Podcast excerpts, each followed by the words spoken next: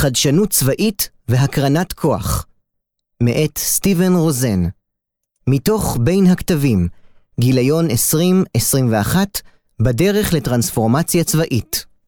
הקדמה גורמים רבים עיצבו את אופייה של המעורבות האמריקאית במזרח התיכון ואת מידת האינטנסיביות שלה. גורמים אלה כוללים מאמצים של מעצמות אזוריות לבסס הגמוניה, התפיסות האמריקאיות של לגיטימיות המדיניות הישראלית, ההזדקקות האמריקאית לנפט מהמזרח התיכון, ויריבויות עם מעצמות עולמיות אחרות. ברצוני להתמקד בגורם חשוב נוסף. יכולתה של ארצות הברית להקרין כוח צבאי לתוך המזרח התיכון ולהיות מעורבת בלחימה במטרה להשיג הכרעה מוחצת בה. טענתי היא שארצות הברית השיגה החל משנות ה-80 המאוחרות יכולת חדשה ויוצאת דופן שאפשרה לה להילחם במזרח התיכון הנמצא במרחק של כעשרת אלפים קילומטרים ממנה ולהביס את כלל המעצמות האזוריות. יכולת זו הינה תוצאה של האסימטריה שנוצרה לטובתה בניצול טכנולוגיות מידע לצורך מימושן של פעולות צבאיות.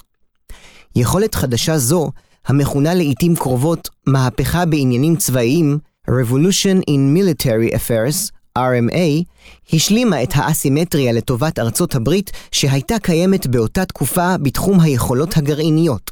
לארצות הברית היה נשק גרעיני, בעוד שלמעצמות האזוריות האחרות לא היה נשק כזה.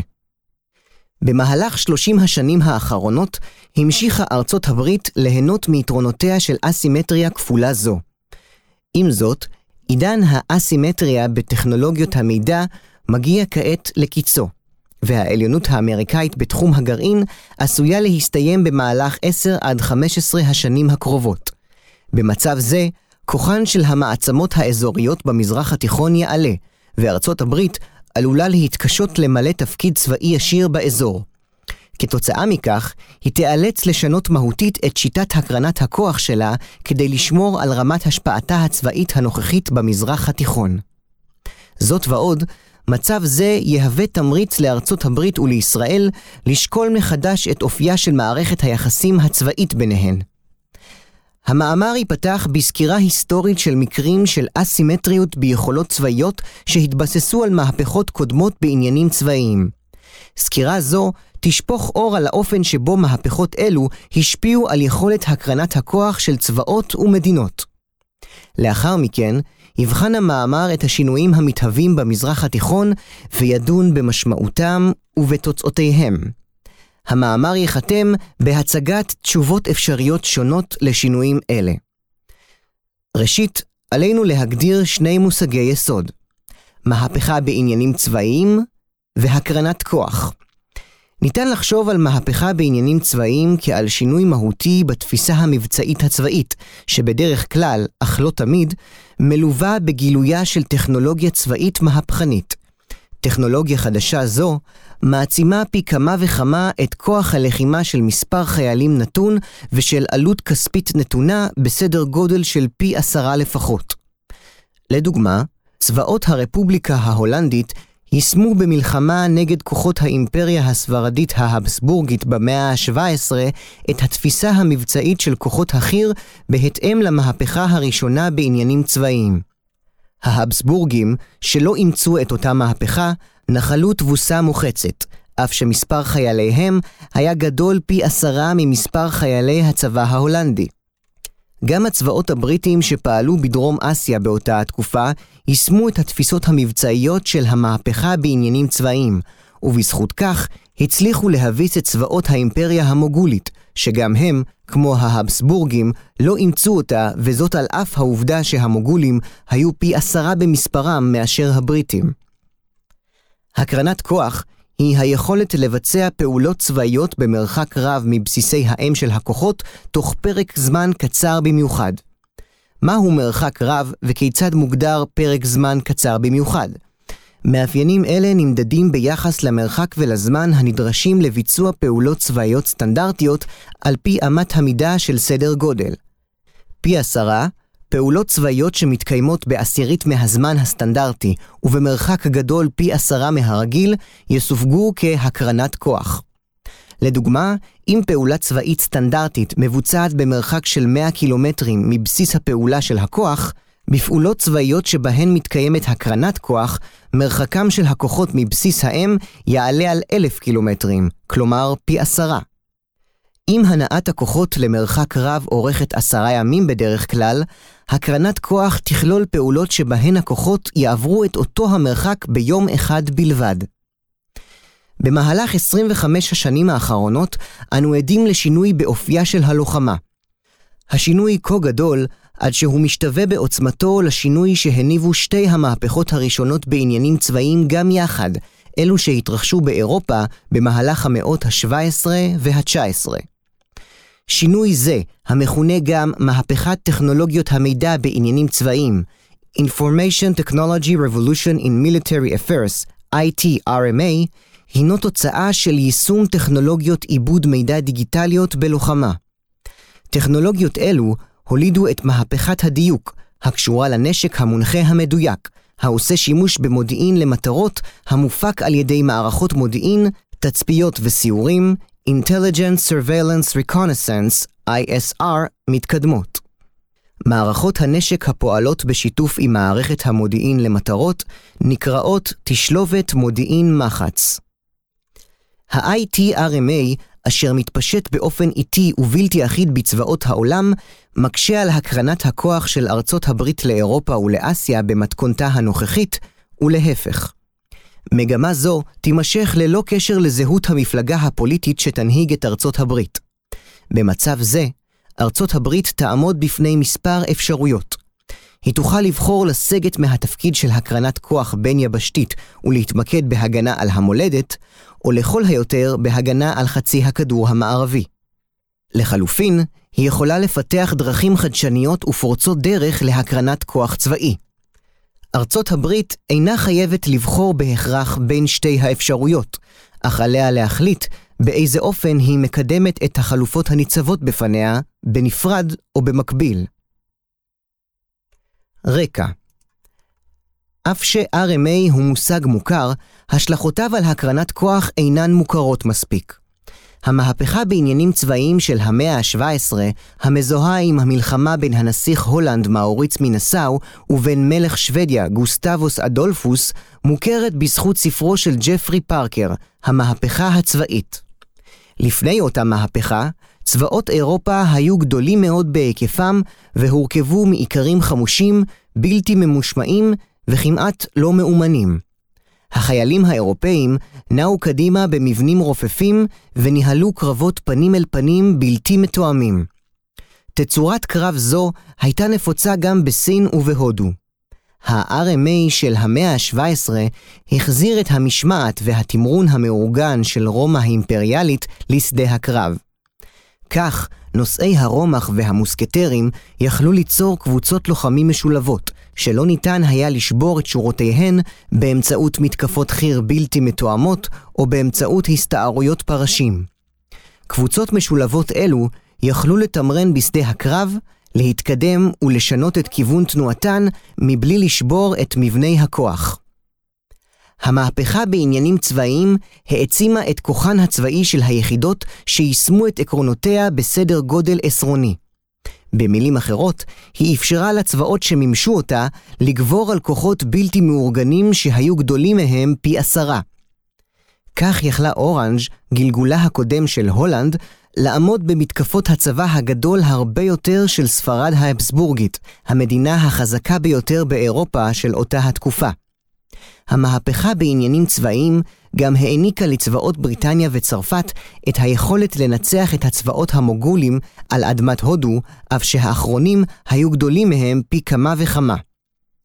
במשך מאה השנים שחלפו מאז אותם קרבות שהוכיחו את כוחה ויתרונה הצבאי של אותה מהפכה, היא אומצה בהדרגה על ידי כלל צבאות אירופה, וכעבור 200 שנה הגיעה עד אסיה. עובדות אלו ידועות ומוכרות היטב.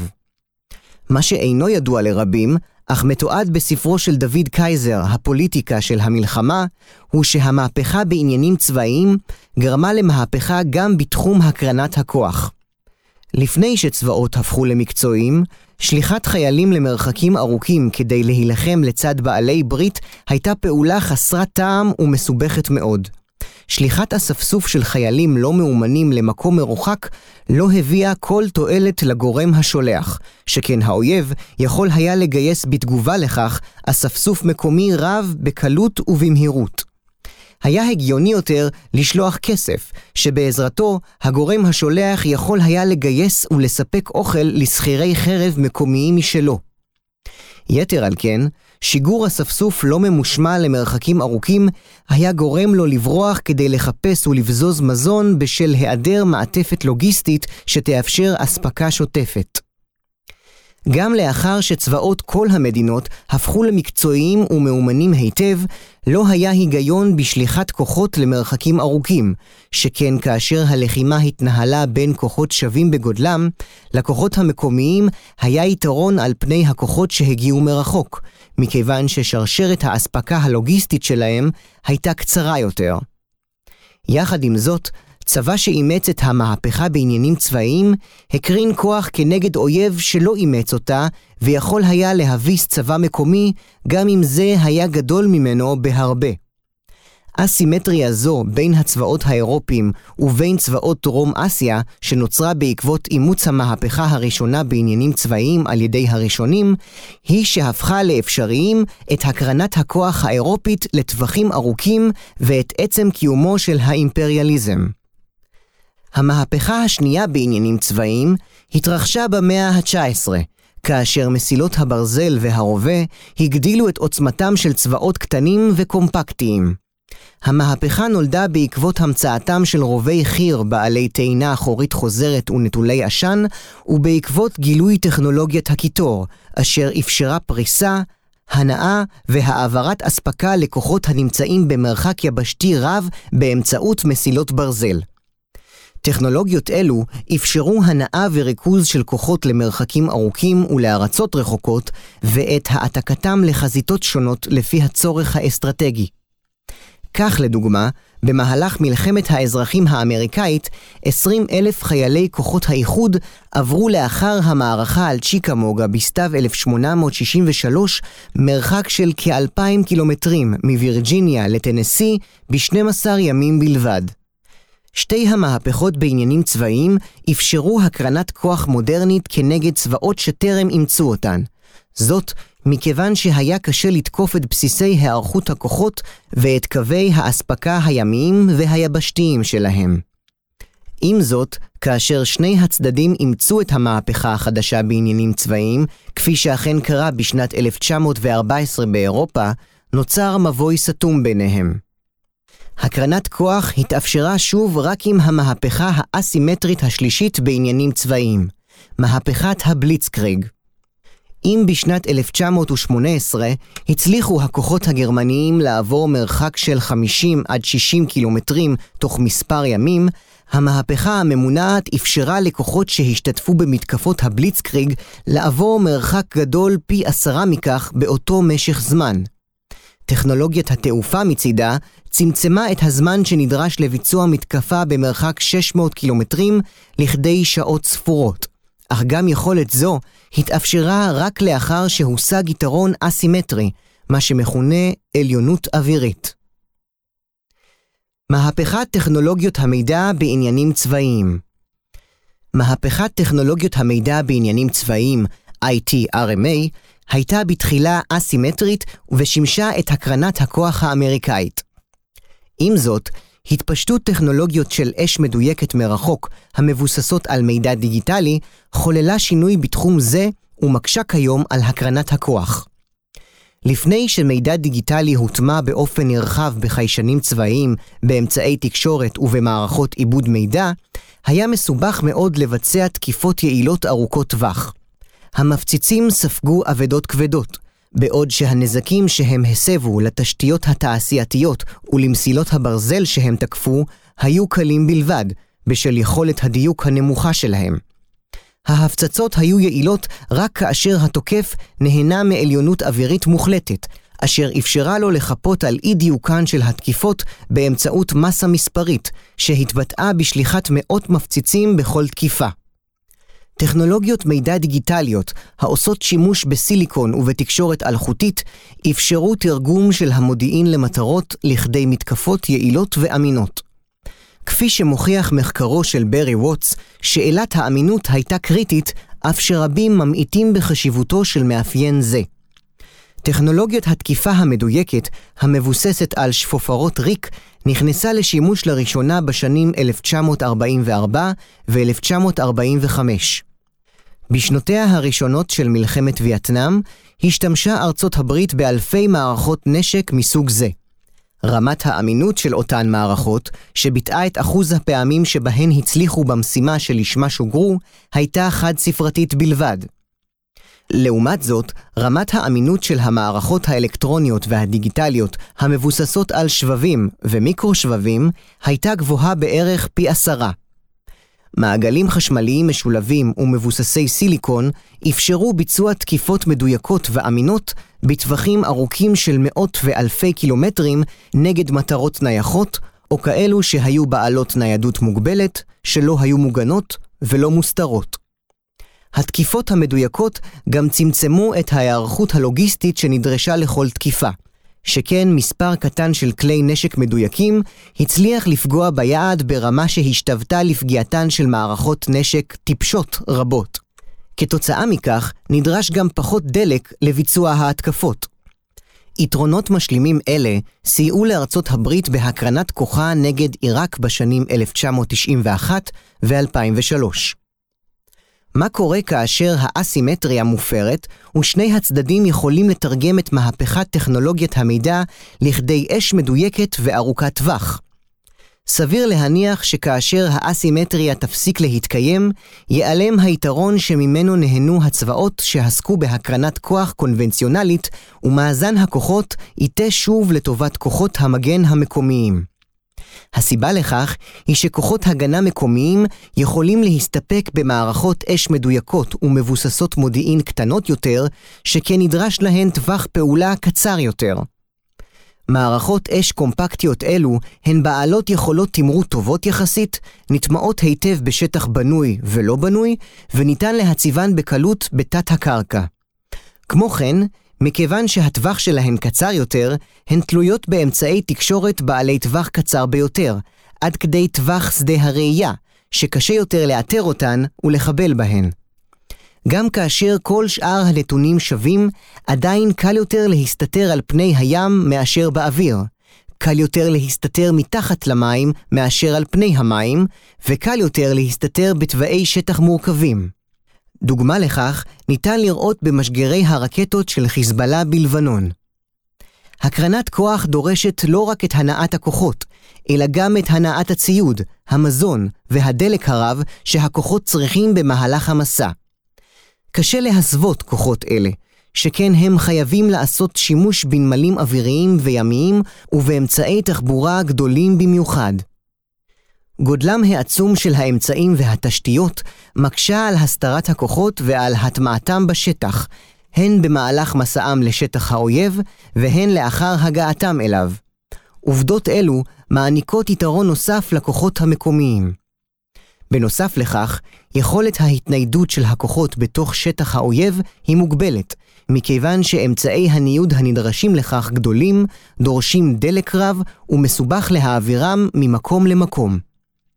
הן הכוחות שהוקרנו לשטח והן הכוחות המקומיים עשויים להיות מצוידים במערכות הגנה אקטיביות, אך הניידות, ההיטמעות בשטח וצעדי ההקשחה מגבירים את יכולות ההגנה של הכוחות המקומיים. בשל כל אלה, לכוחות ההגנה הקרקעיים המקומיים יהיה בדרך כלל יתרון על פני צבא המשתמש בהקרנת כוח המתבצעת בדרך האוויר או הים.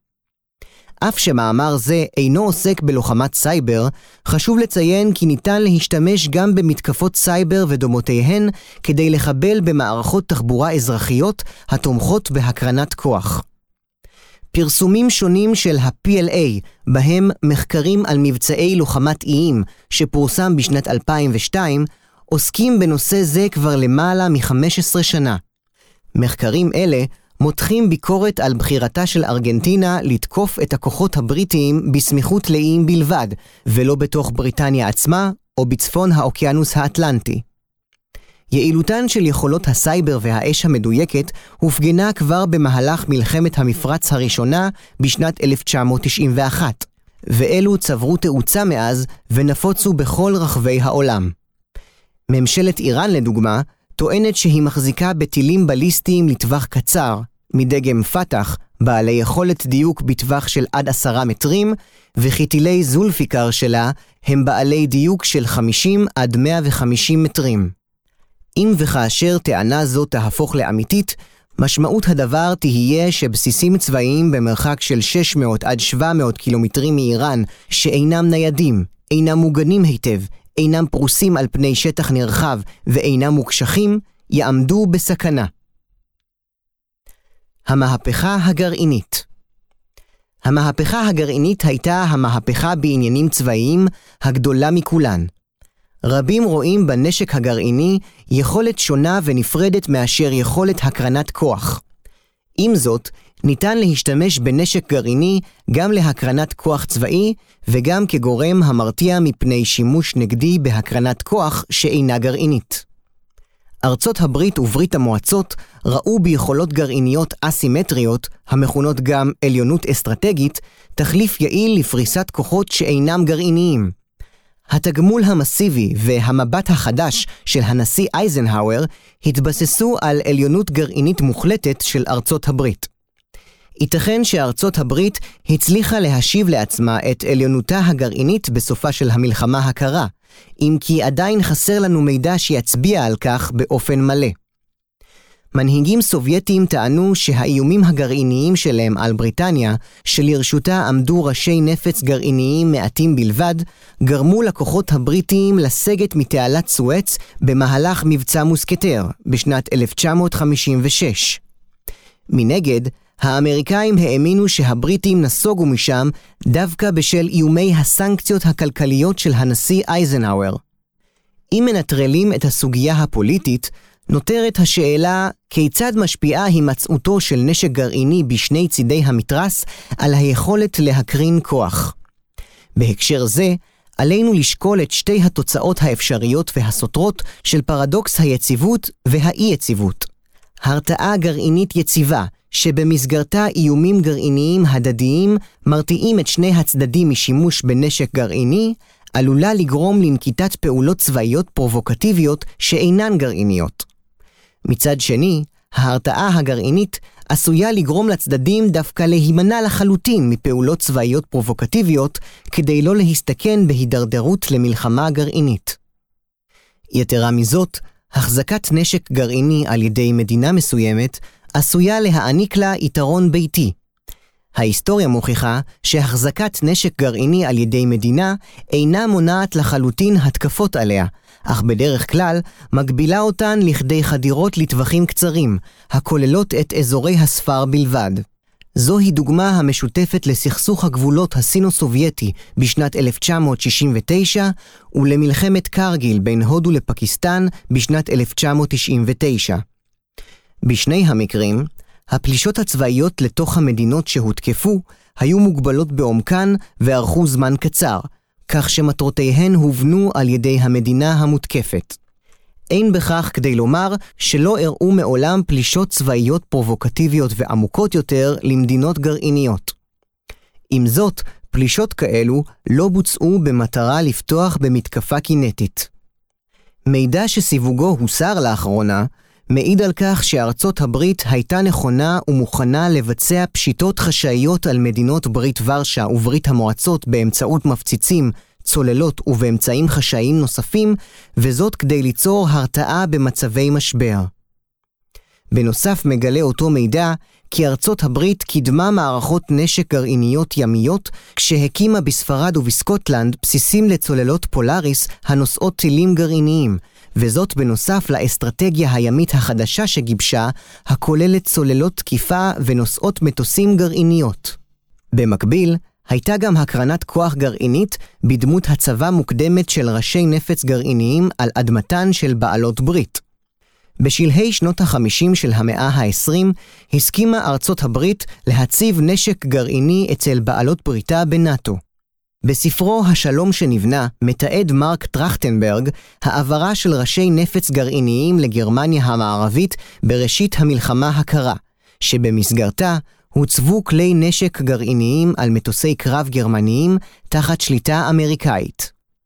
ייתכן שארצות הברית הגיעה להסדרים דומים גם עם בעלות ברית נוספות בנאט"ו.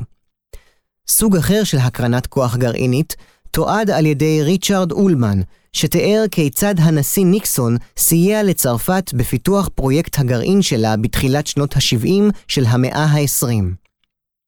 בתגובה לצעדים אלה של ארצות הברית, הציבה ברית המועצות נשק גרעיני בקובה. פריסה של נשק גרעיני והעברתו למדינות אחרות טומנות בחובן סיכון. הצבת נשק כזה קרוב ליריב העמידה במקרה זה הן את ארצות הברית והן את ברית המועצות בפני דילמה האם להשתמש בנשק הגרעיני שלהן או להסתכן באובדנו. מצד שני, הצבתו הקדמית של הנשק הגרעיני העמידה את ברית המועצות בפני יכולתה המשופרת של ארצות הברית ליזום מתקפת מנע גרעינית מהירה ומפתיעה, וזאת בשל צמצום זמני התעופה והתגובה, כמו גם צמצום הסימנים המקדימים להתקפה. כיום ניתן לצמצם את פגיעותם של כלי הנשק המוצבים על אדמתן של בעלות ברית באמצעות פיזורם, הגנה עליהם, הסוואתם או העתקת מיקומם. רכישת נשק גרעיני הגבירה את הסכנה הכרוכה בהקרנת כוח. בנוסף לכך, פריסתו ושיפור מיקומו של הנשק הגרעיני שימשו גם ליצירת איומים נוספים על מדינות אויב גרעיניות ולקביעת מחירים כבדים יותר מהן. כתוצאה מכך, היריב עשוי היה להסיט חלק גדול יותר מכוחותיו להגנה אסטרטגית או להתקפות נגד. יש בדבר זה כדי להעניק יתרון לצד המגן או לצד התוקף, הכל על פי הנסיבות. מה ניתן לעשות היום? מהפכת טכנולוגיות המידע בעניינים צבאיים כבר השפיעה על יכולת הקרנת הכוח של ארצות הברית במערב האוקיינוס השקט ומגבילה את, ואף נתנה לה תמריץ לאפשר לבעלות בריתה להצטייד ביכולות מתקדמות נוספות כדי להגן על עצמן ולסייע להן בכך. זוהי תוצאתה של פריסת מערכות האש הסיניות המדויקות וארוכות הטווח, כמו ה-DF-21, במערב האוקיינוס השקט, והשפעתה על היכולות למנוע תמרון במרחב זה. Anti-Access Area Denial, A2AD. בתגובה לכך, ארצות הברית יכולה לצמצם את הקרנת הכוח שלה, במקביל להעצמת כוחן הצבאי של בעלות בריתה הקרובות יותר ליריב המשותף. לחלופין, ארצות הברית יכולה לסגת לחלוטין מתפקידיה הדורשים הקרנת כוח, ולמנף את מהפכת טכנולוגיות המידע כדי להתמקד בהגנה טובה ויעילה יותר על עצמה ועל חצי הכדור המערבי. גם אם תבחר בדרך פעולה זו, היא תוכל להמשיך להשתמש בשטחים חיצוניים בעלי ערך אסטרטגי למילוי המשימה של הגנה על חצי הכדור המערבי. אפשרות נוספת היא שארצות הברית תתחיל לחשוב על הקרנת כוח בצורה שונה. אם היא אינה יכולה להקרין כוח בעיתות מלחמה לאזורים שבהם כוחותיה יזוהו ויותקפו, היא יכולה לפרוס, לבזר, להסוות ואף להחביא את כוחותיה מראש בעיתות שלום. ארצות הברית יכולה להמציא דרכים חדשות להסוואת כוחותיה, כך שיראו כמו גורמים אזרחיים. הרוסים והסינים כבר הפעילו בעבר כוחות צבאיים סמויים שנטמעו באוכלוסייה האזרחית, כגון האנשים הירוקים הקטנים של רוסיה והקפטן השיכור של ספינת הדייג הסיני. ארצות הברית יכולה לחשוב על נקיטת פעולות דומות, אם כי אלו עשויות להיות מנוגדות לדיני המלחמה הבינלאומיים. ארצות הברית גם יכולה לשנות את תפיסתה המבצעית באשר להקרנת כוח, כך שתתבסס במידה רבה יותר על ניידות, פריסה ותוואי שטח מורכבים, הן מבחינה פיזית והן מבחינה חברתית. שינוי כזה יתבטא ככל הנראה ביחידות קטנות יותר, מאוישות, בלתי מאוישות או משולבות, שכוח האש שלהן יהיה קטן יחסית לזה של הכוחות הסטנדרטיים הנשלחים כיום לפעולות הקרנת כוח דומות, כגון צוותי קרב מושתים או יחידות ללוחמה אמפיבית. ניתן לפצות על הפחתה יחסית זו בכוח האש האורגני של כל יחידה באמצעות שימוש במספר רב יותר של מערכות קטנות ופחות מתוחכמות, וכן באמצעות הגברת השימוש במערכות נשק תומכות, בעלות טווח ארוך במיוחד, שבסיסן נמצא במקום מרוחק. מערכות בלתי מאוישות, בשילוב עם מערכות מאוישות גדולות, מתוחכמות, מוסתרות ומוגנות היטב, עשויות לאפשר הקרנת כוח נגד מערכות הגנה עוינות המבוססות על אש מדויקת. במקרה כזה, המערך האנושי יישאר מאחור וישגר קדימה להקות עצומות של ספינות אם קטנות יחסית, דלות חתימה ובלתי מאוישות, לאוויר או לים. ספינות אם אלו ישגרו בתורן להקות נוספות של מערכות בלתי מאוישות קטנות עוד יותר. מה באשר להקרנת כוח נגד מדינות שישיגו בעתיד נשק גרעיני? מה יכולות להיות ההשלכות של פיתוח עוין של מערכות ויכולות IT-RMA מתקדמות נוספות, ואפילו נשק גרעיני על ארצות הברית? בהקשר זה, יש לדון בתרחיש שבו איראן תמשיך בניסיונותיה לייצר נשק גרעיני, תמשיך לפתח מערכות אש מדויקות, מונחות ובעלות טווחים ארוכים יותר, ותמשיך לנקוט מדיניות חוץ התפשטותית. תרחיש חלופי הראוי לבחינה הוא מה עלול לקרות אם רוסיה תציב נשק גרעיני במזרח התיכון.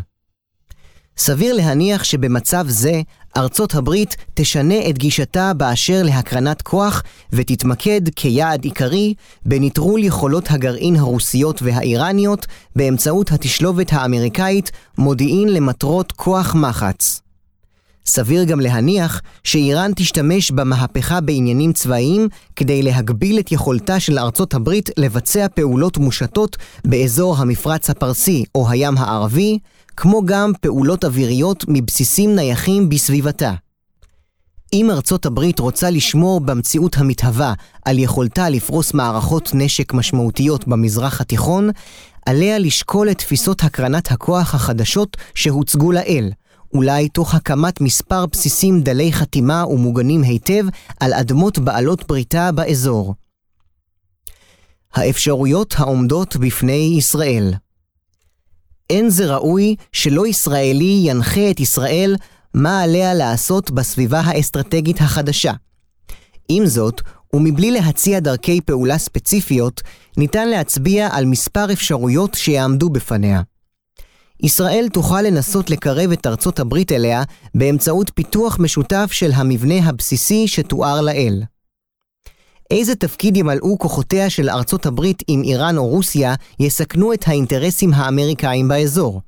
אם יפרוץ משבר שבו רוסיה או איראן יאיימו בתקיפת ישראל ובפגיעה באינטרסים אמריקאים, ארצות הברית תוכל להשבית באופן זמני את מערכות המודיעין למטרות של יריבותיה ולהשתמש בהפוגה שתיווצר להזרמת כוחות, דוגמת מטוסי קרב, לישראל. שם יוכל הכוח האמריקאי להיפרס בבסיסים מפוזרים, מוסתרים ומוגנים. בנוסף לכך, כוחות אמריקאים ללוחמה ימית יוכלו להגיע למזרח הים התיכון בזכות הכיסוי האווירי שיעניקו להם מערכות ההגנה האווירית של ישראל. אמנם, ישראל גילתה רצון לשתף פעולה מבחינה אסטרטגית עם ארצות הברית כבר משנות ה-70 של המאה ה-20, אך גם מדינות המקיימות יחסים טובים, כמו ישראל וארצות הברית, יכולות להחזיק בדעות שונות באשר לאופן שבו יש להתמודד עם אתגרים. ישראל מעולם לא הרגישה בנוח עם התפיסה הביטחונית לפיה הגנתה תהיה תלויה באחרים. לכן, היא יכולה לבחור להמשיך במדיניותה הנוכחית ולקדם את יכולותיה העצמאיות. ישראל מינפה את מהפכת טכנולוגיות המידע כדי לפתח עוד יותר את מערך ההגנה האווירית שלה, והשתמשה בתקיפות מדויקות כדי לנטרל ניסיונות חשאיים של אויביה לשנות את יחסי הכוחות בגבולותיה. גם מבלי להגיע להסכם חדש, פעולות ישראליות אלו עשויות ליצור מעין מגנן, שאליו תוכל ארצות הברית להזרים בבוא העת את כוחותיה. ישראל תעמוד בפני אתגר מסוג אחר, אם וכאשר מדינות אויבות בסביבתה יצליחו להניח את ידן על נשק גרעיני. הסכנה לא תהיה אז מתקפה גרעינית על ישראל, בשל רתיעתן של התוקפות הפוטנציאליות מפני התגובה הישראלית. סביר יותר להניח שהסכנה העיקרית תנבע מכך שנשק גרעיני בסביבתה של ישראל, או החשד לקיומו, ירתיע אותה מלבצע תקיפות קונבנציונליות מדויקות במדינות הגובלות עמה. תקיפת אתרים לייצור נשק גרעיני באופן מכוון או בשוגג, עשויה לגרור שימוש בכלי נשק המיוצרים באותם אתרים ולהביא להידרדרות עד כדי מלחמה גרעינית. הימצאותו של נשק גרעיני בידי מדינות עוינות, ואפילו החשד בכך, עלולים ליצור מרחב של עמימות, שבתוכו יוכלו כוחות עוינים לבצע בקלות יחסית תקיפות נגד ישראל שאינן גרעיניות. מצב אפשרי כזה מתיישב עם הדוקטרינה הרוסית הנוכחית של כפייה בין מרחבית, Cross-Domain Coercion, אותה מתאר דימה אדמסקי. ייתכן שנוכל להגיע להבנה טובה יותר של הפתרונות האפשריים לבעיה זו באמצעות מחקר היסטורי של ההרתעה הגרעינית במהלך המלחמה הקרה. זהו כבר נושא לדיון אחר.